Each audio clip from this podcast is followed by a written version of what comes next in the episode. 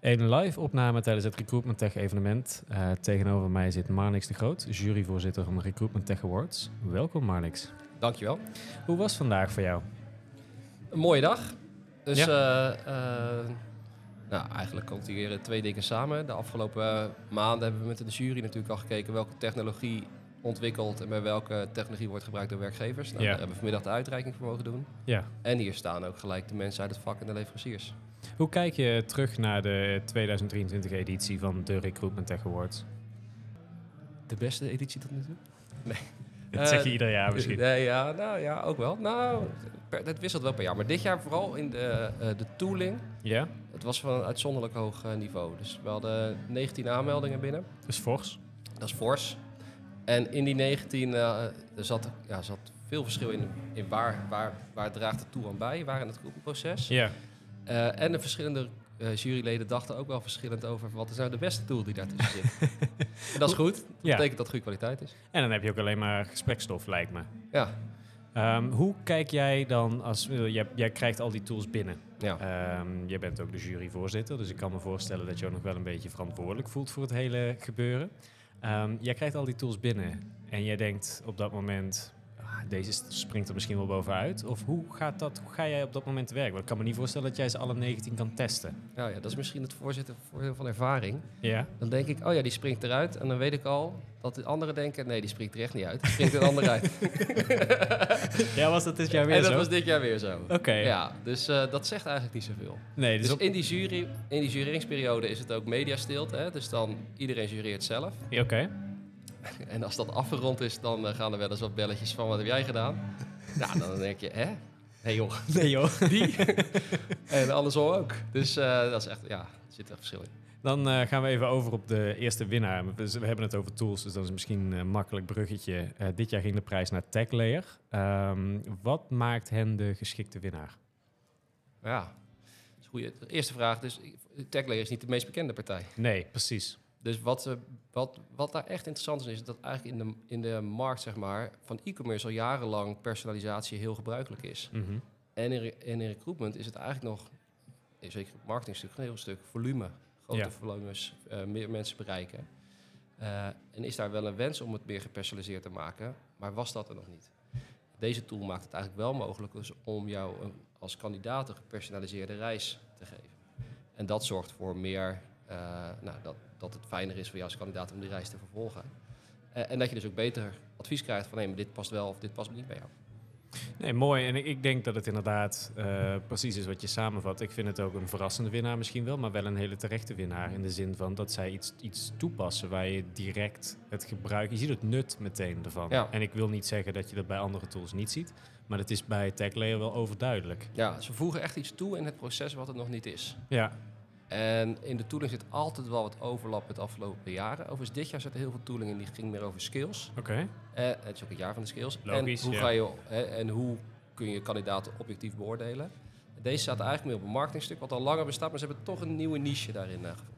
Ja, het was het jaar van de skills en het was ook het jaar van uh, AI, als we even aan het terugblikken gaan. Um, dan ook een primeur, de eerste AI in Recruitment Benelux Award. Een hele mond vol, maar een mooie award. Um, daar, dat was in principe een volledige juryprijs. Ja. Um, winnaar uh, is Knowledge Marker. Ja. Wat maakt hem dan weer de geschikte winnaar? Uh, je kunt uh, AI toepassen of je kunt iets op basis van AI ontwikkelen. Okay, en vertel. Dit bedrijf bestaat uit alleen maar developers. Ja. En zij zijn dus zelf gaan bouwen met AI. Van hoe kun je een nieuwe tool maken die zeg maar inzichtelijk maakt van niet per se wie is de developer, maar ook maar wat voor code heeft hij gemaakt, hoe beoordeel je dat? Uh, dus ja, die, die hebben een nieuwe, nieuwe insteek daarop gekozen. En AI toegepast om iets wat anders eigenlijk niet mogelijk is, het combineren van al die data en inzichten te maken, uh, ja, dat met AI wel te kunnen. En dat in een hele schaarse markt van developers. Want dat is ook niet de makkelijkste markt om even te werven, lijkt me. Nee, ze zijn op andere plekken dus niet meer beschikbaar. Hè? Dus uh, uh, ja, je zult ze moeten vinden in de niche waar ze zitten. En daar is GitHub dus een belangrijk platform in. Ja. En daar binnen wordt ook veel gesourced. Dus heb je weer iets anders nodig. En daar hebben zij een alternatief voor gevonden. Ja, dat, en het klinkt ook als een hele slimme, weer opnieuw een hele slimme toevoeging in iets wat er gewoon nog niet was. Ja. En dat... Ja, echt een niche-speler. Ja, en dat, dat klinkt wel een beetje als dat, eh, de- weet je, de trend, in ieder geval de, de overkoepelende norm is binnen de winnaars. Als we kijken naar de winnaars, want het zijn niche-spelers, maar wel heel goed in wat ze doen. Ja. ja, en dan is Totaal geen open vraag, Nee, geen goede journalistieke vraag, Maar nee, het komt, klopt, het, dus dat is wel de uitdaging. Hè? Dus je. eh, eh, we worden even onderbroken, maar dat hoort ook bij een festival. gezellig hoor.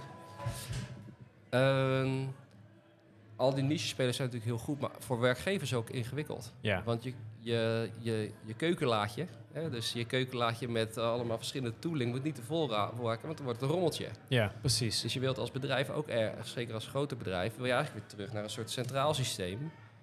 Waar dus eh, gebruik van gemaakt kan worden. Want anders krijg je op al die niche-systemen. Krijg je ook- best of breed en dat is Ja. leuk, maar dan kom je eigenlijk nergens. Nee. Is wat dus, je, ja. ja. dus dat is de. En dat was weer juist de winnaar aan de andere kant als het gaat over cases. Hè. Dus Ja. die werkte eigenlijk met decentraal met allemaal verschillende systemen. House of Talents uit België. ja, En de die zijn winnaar. het weer, ja, ja. de winnaar van die categorie. En die zijn het gaan centraliseren, maar ook met het gebruik van AI erin. En datgene wat ze nu gebouwd hebben op basis van Salesforce kan ook weer gebruikt worden om nieuwe ontwikkelingen op in te pluggen.